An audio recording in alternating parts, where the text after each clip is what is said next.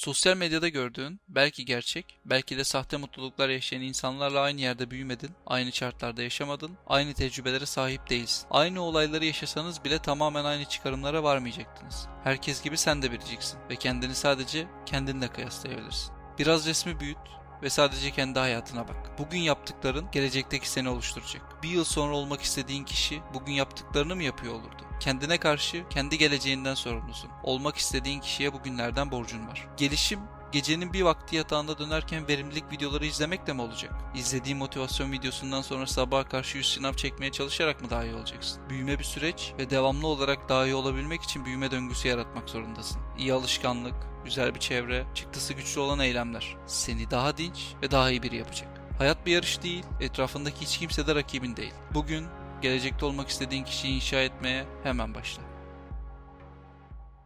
Olabildiğince gazımızı aldıysak şimdi videoya geçelim. Videonun girişinde kendinin yeni bir versiyonunu yaratmaktan bahsettim. Bu aslında sanıldığı kadar kolay bir olay değil ama kişisel gelişim üzerine, self-help üzerine bir şeyler okurken sıklıkla karşılaştığımız bir tabir. Kendinin yeni versiyonunu yaratmak. Bu bağlamda şunu örnek vermek isterim. Renklerde dahi siyahtan griye geçişin, griden beyaza geçişin hangi aşamada olduğunu net olarak kavrayamıyorken bir bakışta siyahın ve beyazın ayrı olduğunu, grinin ayrı renkler olduğunu anlayabiliyorken bir skala da gördüğümüzde siyahın nerede bitip grinin green'in nerede başladığını, green'in nerede başlayıp beyazın nerede bittiğini tam olarak kavrayamıyoruz. İnsan gibi renklerden çok daha karmaşık canlılar için bu durum elbette çok daha karışık. Geriye dönüp geçmişinize baktığınızda dönüm noktalarını, farklı versiyonlarınızı çok net bir şekilde ayırt edebiliyorsunuz. Şuradaki olay nedeniyle şu aşamaya geldim. Şu aşama aslında benim için dönüm noktasıydı. Bu olmasaydı bu olmazdı gibi net kıvrımlar, net ayrımlar çizebiliyorsunuz. Ama konu günümüzü yaşarken kendinizi adlandırmak olunca iş siyah, gri, beyaz örneğine kadar uzanabiliyor. Son dönemde sosyal medyada popüler olan 50 Days Challenge veya Project 50 adı verilen bir challenge. Kendinizin yeni versiyonunu yaratma ve bu bahsettiğim siyah, gri, beyaz ayrımını 50 günlük skalada değerlendirip kendinizin farklı ve daha iyi bir versiyonunu yaratmanızı olanak sağlayan maddeleri içeriyor. Her challenge olduğu gibi her oyunlaştırmanın kendine özgü sorunları ve bu sorunları aşarak motivasyonu sağlama üzerine ilerleyen bir yapısı olduğu için Project 50'nin de belirli kalıpları var. 7 ana kural var. Bu 7 ana kuralı 50 gün boyunca hiçbir zaman esnetmeden yapmanız gerekiyor. Bu 50 kuraldan birini dahi atlarsanız, birini dahi yapamazsanız challenge'ın başına dönüp birinci günden yeniden başlamanız gerekiyor. Bu bağlamda yaptığınız her hareket aslında 50 gün boyunca bu 7 kuralı esnetmeme üzerine kurulu. Tabi bu challenge'ı daha basit hale getirebilecek metotlar da var. Bunlardan da bahsedeceğim. Ama sırasıyla maddelere geçelim. Kural 1 sabah 8 olmadan yataktan çıkmak. Burada çok basit olan ama temelde atlanan bir problem var. Erken kalkma olayı aslında gece erken yatma ile ilişkili bir durum. Ama biz genel olarak gece 3'te motivasyon videosu izleyip 3.30'da uyuyup sabah 6.30'da 7'de kalkmaya çalışınca iş aslında istenildiği seviyede gitmiyor. O yüzden erken kalkma adımını yapabilmek için erken yatmayı uydurabilmek gerekiyor ki bu bence challenge'ın en zor aşamalarından biri eğer geç yatan biriyseniz. Motivasyon ve verimlilik üzerine çoğu videoda aslında sabah çok erken erken kalkılması, güneşten önce kalkılması, mümkünse soğuk bir duş alınması, spora gidilmesi, sonrasında kitap okunması ve sonrasında bir şeyler yenmesi gibi adımlar var. Burada söylemek istediğim tam olarak kendinize kötü davranarak ya da bir anda her şeyi kökten değiştirerek yeni bir uyanma rutinine erişmek değil. Aslında sabahın o verimliliğini kendi hayatınızda da kullanabilmek. Sleep Smarter kitabında Sean Stevenson insanların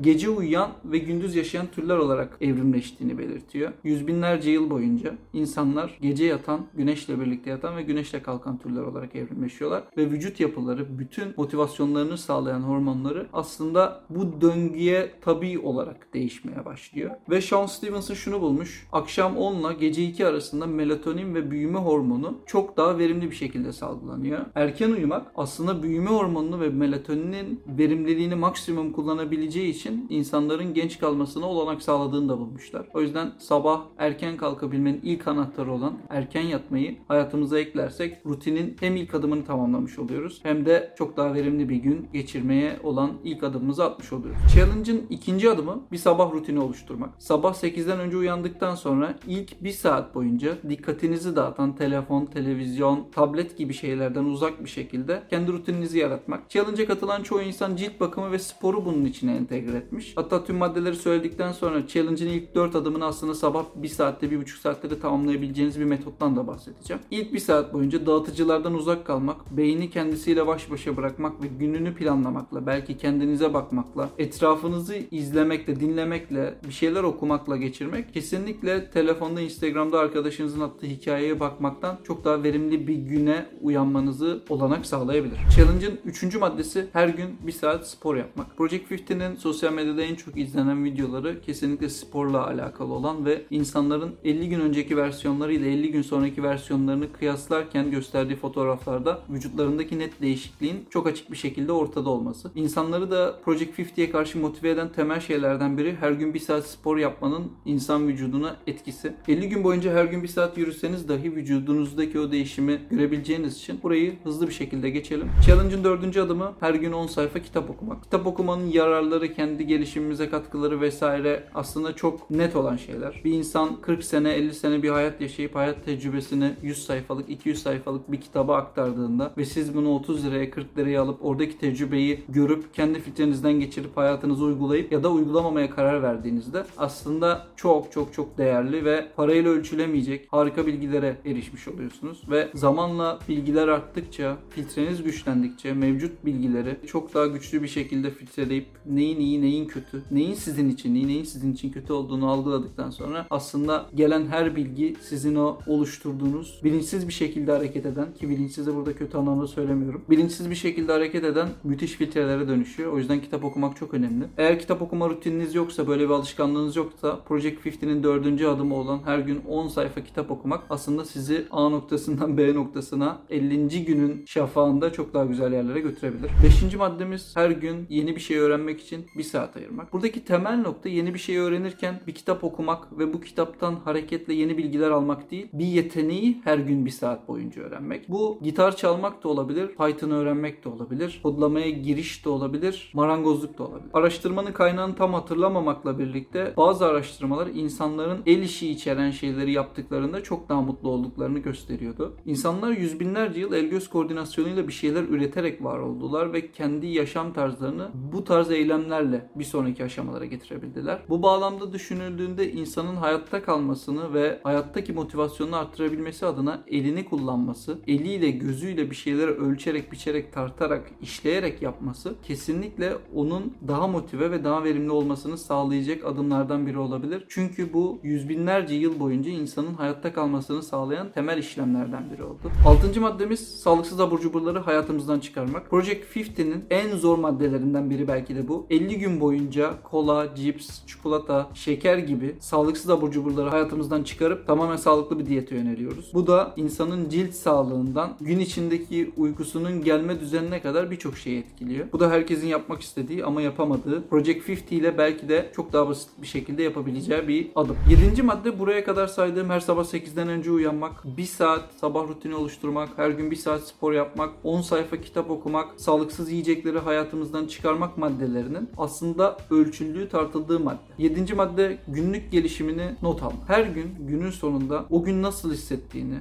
bugün yaptığın şeylerin sana neler kazandırdığını not aldığın ve kendi gelişimini bir bakıma ölçtüğün, ne kadar zorlandığını tarttığın, bir süreden sonra hangi görevin ne kadar kolay geldiğini ölçtüğün bir madde. Ben bununla ilgili bir Notion taslağı da hazırladım. Açıklama kısmından linkini bulup kullanabilirsiniz. 50. gün aldığınız notu okurken birinci günde yaşadığınız problemleri ve sorunları gördükten sonra aslında bu 50 günün size nasıl bir etki yarattığını çok daha net bir şekilde anlayabiliyorsunuz. O yüzden Project 50 Challenge'in 7. maddesi en kolay maddesi gibi görünse de sürdürülebilirliği gerçekten kolay ama içten yapıldığında ve gelişim belirli aralıklarla gözlendiğinde işin en iç açıcı noktasına evriliyor olabilir. Şimdi işin biraz da trik noktasına gelelim. Project 50 hayatımızı kesinlikle iyileştirebilecek bir challenge ama bazı maddeleri arka arkaya koyup bu challenge'ı biraz daha basitleştirebiliriz. Yani sabah 8'den önce yataktan çıktığımız bir senaryoda sabah rutinimizi 10 sayfalık kitap okuma ve 1 saatlik sporla birleştirdiğimiz bir senaryoda 4 testi birden sabah kapatmış oluyoruz. Sayalım hemen. Sabah 8'den önce uyandım 1. 1 saatlik sabah rutinim olan telefondan, bilgisayardan, tabletten uzak kaldığım zamanı geçirdim. Bu süre içinde sporumu yaptım. Aynı zamanda 10 sayfa kitabımı okudum. 4 madde tamamlandı bile. Ve o gün ben hiç abur cubur yemezsem 5. madde tamamlanmış oluyor. Ve günün en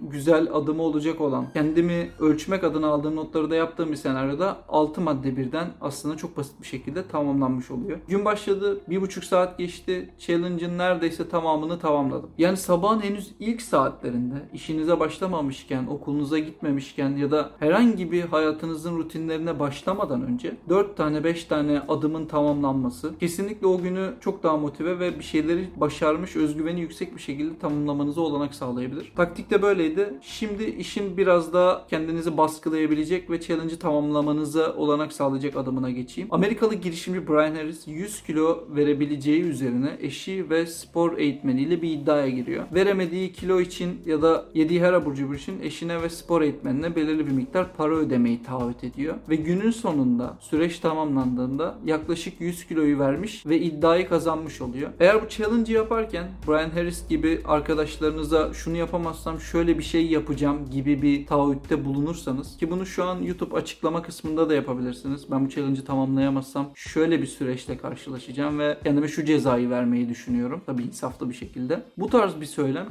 kesinlikle bu challenge'ı tamamlamanıza olanak sağlayacak ve sizin için itici güç olacak. Çünkü insanlar çok uzun yıllar boyunca sosyal sermayeleri toplum içindeki varlıklarıyla hayatta kalmaya başarabilmiş canlılar ve toplum içindeki algınızı düşürebilecek herhangi bir adım aslında sizin için itici güç olabilecek seviyede iyi şeyleri beraberinde getiriyor olabilir. Bu video böyleydi. Project 50 Challenge ile ilgili detayları açıklama kısmından okuyabilirsiniz. Dediğim gibi challenge'ın son maddesi olan işi takip edebilme dosyasında Notion link ile birlikte açıklama kısmına ekleyeceğim. Oradan edinebilirsiniz. Bir sonraki videoda görüşmek üzere. Kendinize çok iyi bakın. Görüşürüz.